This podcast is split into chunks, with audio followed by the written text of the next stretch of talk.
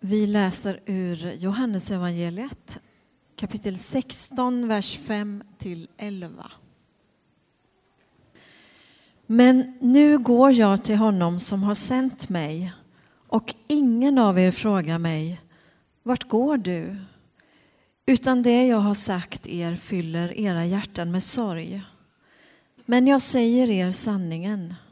Det är för ert bästa som jag lämnar er. Ty om jag inte lämnar er kommer inte hjälparen till er. Men när jag går skall jag sända honom till er. Och när han kommer skall han visa världen vad synd och rättfärdighet och dom är. Synd, de tror inte på mig. Rättfärdighet, jag går till Fadern och ni ser mig inte längre. Dom, denna världens härskare är dömd. I Göteborg bor det den 31 12 2014 är väl värt att säga, bodde det 54, 541 145 invånare. Det är ett antal, ett eh, befolkningsantal som ökar hela tiden. Parallellt med de här drygt halv miljon människor så finns en befolkning i den här stan som inte räknas. De kallas för papperslösa. Ett samhälle vid sidan av. En värld befolkad av människor som saknar laglig rätt egentligen att vistas i Göteborg. Det finns av naturliga skäl ingen statistik av hur många det är. Man uppskattar i hela Sverige att det finns mellan 75 och 125 000 papperslösa. Här i Göteborg kanske 5-10 000. Hit till Saron kommer många av dessa människor för att få hjälp på olika sätt. Vi har kontakt med omkring 50 familjer som på det sättet söker sig hit för att få hjälp med kort, med mat, med stöd, med att skriva inlagor till Migrationsverket, med att få hjälp på olika sätt.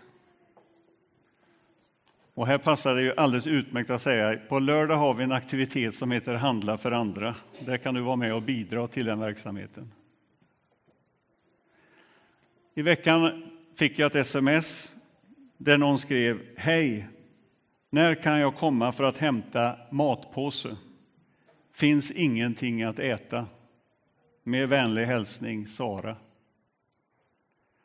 En annan man kom i veckan från Afghanistan som flytt hit via Italien.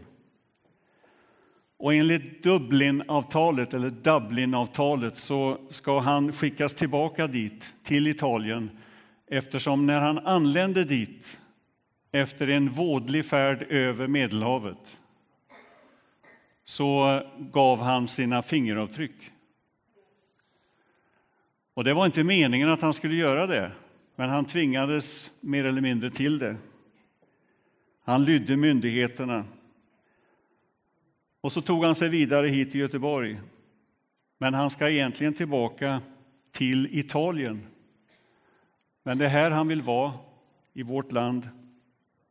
Och vad gör man då? Jo, då måste han hålla sig gömd i minst 18 månader till fallet preskriberas så att han kan söka här i Sverige istället.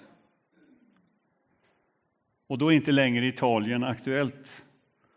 Och under den tiden, de där 18 månaderna, så får han så gott han kan göra så att säga att tillvaron går ihop för honom, för sin fru, för sina två barn.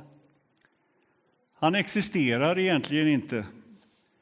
Han kan inte få arbete, ingen ekonomi, utan är beroende av organisationer, kyrkor, frivilliga som hjälper på olika sätt. Och det finns ganska gott om sådana organisationer här i Göteborg. Men det räcker inte till. Det skulle behövas mycket mer. Deras hopp och tro, det är vi som finns här. Tro är att skicka ett sms. Att ringa på vår dörr och säga Förbarma dig över oss om du kan. Så sa ju den här mannen som kom till Jesus med en sjuk son. Förbarma dig över oss om du kan. Vanmakten föder trons handling. Att våga tro att det finns hopp för mitt liv. Att våga lämna ut sig för någon annan. Att våga hoppas. Att våga komma dit där det får bära eller brista. Och så tänker jag så här, att vi som bor här i Göteborg, vi som bor i det här landet, i Sverige, vi har dragit vinstlotten. Det är den högsta vinsten vad gäller förutsättningar för liv, för arbete, för skola, för sjukvård. Det är den högsta vinstlotten på allting egentligen, i hela världen. Och med de förutsättningarna följer ett stort ansvar och en skyldighet att förvalta den vinstlotten på ett rättfärdigt sätt.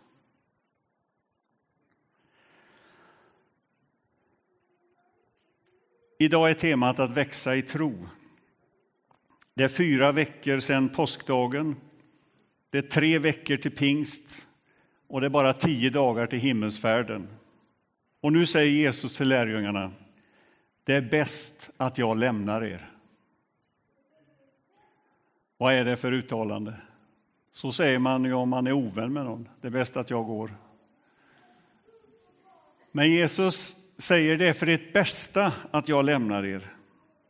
Och jag tycker det är att det är ett härligt uttryck för vårt bästa. Allt som handlar om Jesus är för vårt bästa. Vem du än är här inne, var du än är, var du står i livet, så kom ihåg det att Jesus är för ditt bästa. Det han gjort och det han vill göra i ditt liv, för han har en tanke och en plan med ditt liv, för ditt bästa. Det är för vårt bästa. Och så presenterar Jesus en närvaro genom den helige Ande, Hjälparen kallar han honom för, som alltid ska vara hos oss. Jesus kan vara hos oss alla genom den helige Ande. Hjälparen. Det betyder inte att det är alltid den enklaste vägen som Jesus leder oss på, eller den mest behagliga men det är för vårt bästa. Det är inte alltid att vi klarar oss undan svårigheter, utan vi drabbas lika väl som någon annan. Men det är för vårt bästa. När du närmar dig Jesus, som vi gör i en gudstjänst som den här, där vi som de här som stod här innan responderar på hans kallelse, på hans invit till oss, då ska du veta det, att Jesus är för ditt bästa. Och att följa Jesus på den vandring som han går genom den här världen, det är också att ha andra människors bästa för sina ögon. Det är oundvikligt. Vi kommer inte undan det. Det finns inget alternativ. Så tänkte Jesus. Så handlade Jesus för vårt bästa. Och så introducerar Jesus här den största av alla gåvor. Den bästa gåva man kan få, Hjälparen. En som kommer upp vid vår sida. En som alltid ska finnas med er och i er. En hjälp, Anden som stöder supportar, manar, förklarar, vägleder, överbevisar och framför allt hjälper oss att i gärningar visa vem Jesus är, som vi sjunger. Anden är given för världens skull. Inte för att vi ska liksom få njuta en stund, utan för att vi bättre ska visa i gärningar vem Jesus är. Anden är för vårt bästa och för världens bästa. Och när vi uppfylls av Ande, tar emot Anden i våra liv, då växer tron. Och då gör vi gärningar som han gör genom oss, genom den helige Ande. Och så presenterar Jesus i den här texten som vi hörde läsas tre områden som Anden ska verka i. Tre saker, tre ord, tre begrepp som man ska förklara. Och jag tänker när jag läser dem, det är för väl att inte det är vi som ska förklara det, utan det är Anden som förklarar det. Det första är synd. Synd är att missa målet, betyder det. Att komma ur kurs. Och att förlora eller missa Jesus är livets stora förlust. Och därför så är en gudstjänst som den här alltid, och jag vill stryka under det, en inbjudan till dig som ännu inte har tagit emot Jesus i ditt liv, att bekänna honom i ditt liv, att be till honom. Att ta emot honom, öppna din dörr, ditt hjärta och ta emot Jesus i ditt liv.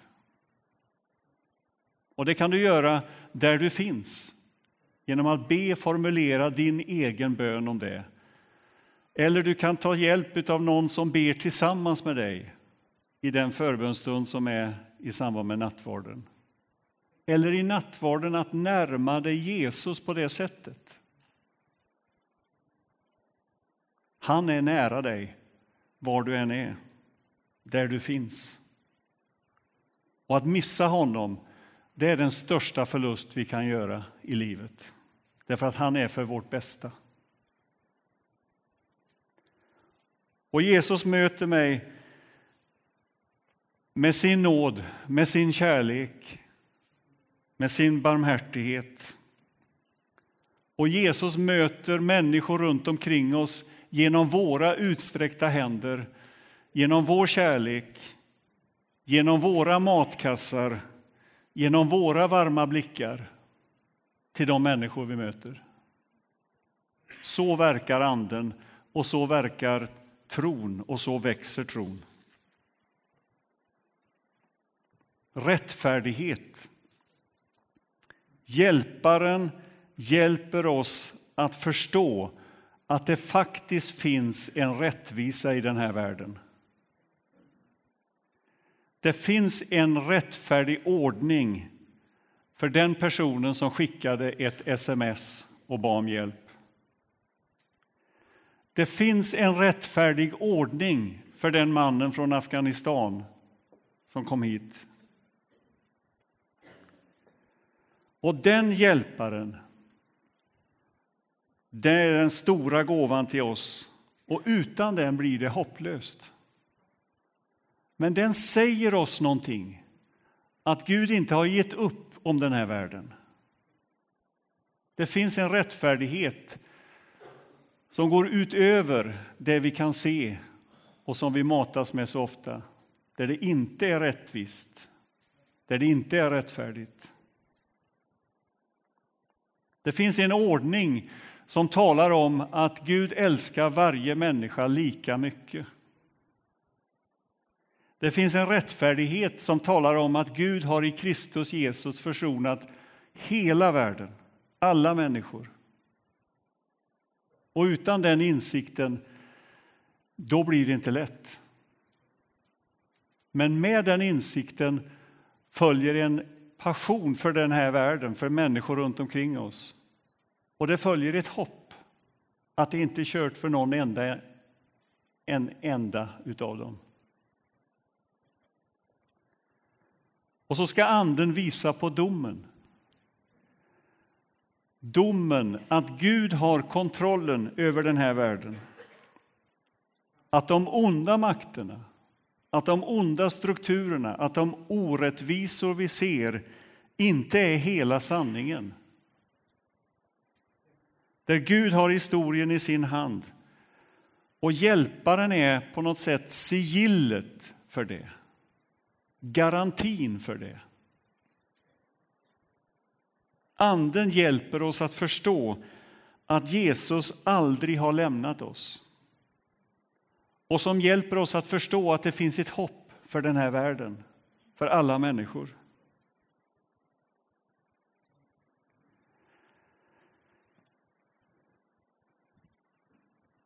Och den hjälper oss att förstå att det sista ordet om ditt liv, det är inte att du är glömd eller utlämnad om allas liv. Utan det förnämsta ordet om våra liv, det är att vi är älskade av Gud. Det är det första, det viktigaste. Och när vi vänder oss till Jesus så blir det som vi sa här i samband med dopet. Då vet vi att Jesus har redan vänt sig mot oss. Det finns någon som har sagt så här, fråga inte vad du kan göra för Gud, utan vad Gud kan göra för dig. Det finns så mycket krav och kramp när vi talar om tro. Jag måste tro. Jag måste anstränga mig. Men tron är en gåva. En gåva som är given åt oss att ta emot. Och den gåvan är Jesus Kristus själv. Och så får vi gå med honom. För några veckor sedan satt jag med Thomas Sjödin och några från Smyrna Smyrnakyrkan och pratade om deras diakonala arbete. Och vi berättade om vårat här i kyrkan. Och så berättade Thomas, och vi har sett det här också, hur människor kontaktar eh, våra kyrkor och frågar kan jag vara med och hjälpa till på något sätt. Ja, på ett villkor, att vi får en timmes samtal med varandra. Och så har de den där timmens samtal och det börjar med vad är dina gåvor, vad brinner du för, vad vill du? Man kanske inte har en, en öppen bekännande tro utan mera det här, vad brinner du för, vad, vad längtar du efter? Så berättar de om hur de vill vara med och göra skillnad för människor. Och sen berättar Thomas om församlingen och värderingar, uttryckssätt, hur vi bemöter människor. Och efter det samtalet säger man, jag går med. Och så händer det någonting under tiden. När man går med på den här vandringen att hjälpa till, så växer tron. Så sker det någonting. Och det är precis som att man får börja tro innan man tror. Och det har vi sett här också. Hur människor har kommit in i gemenskapen, hjälpt till, till exempel i brunnen. Och så får man tro innan man tror. För tron är en process. Och man vet liksom inte var den börjar eller var den slutar. Det händer någonting. Gud kallar genom Jesus Kristus. Och vi söker, vi svarar och så växer tron undan för undan. Och den vandringen skulle jag vilja bjuda in dig till. Den spännande processen. Mötet med Jesus som förvandlar och vänder upp och ner på våra liv. Vår framtid, vår tid, våra resurser. Sätter in det i det faktum som handlar om för den här världens bästa. Det är för ert bästa som jag går bort, sa Jesus. Annars skulle, jag inte kom, annars skulle inte hjälparen, Anden, komma till er. Och när han kommer så ska han utföra saker genom er, i er. Och det är den gåvan vi får ta emot utav honom. Amen.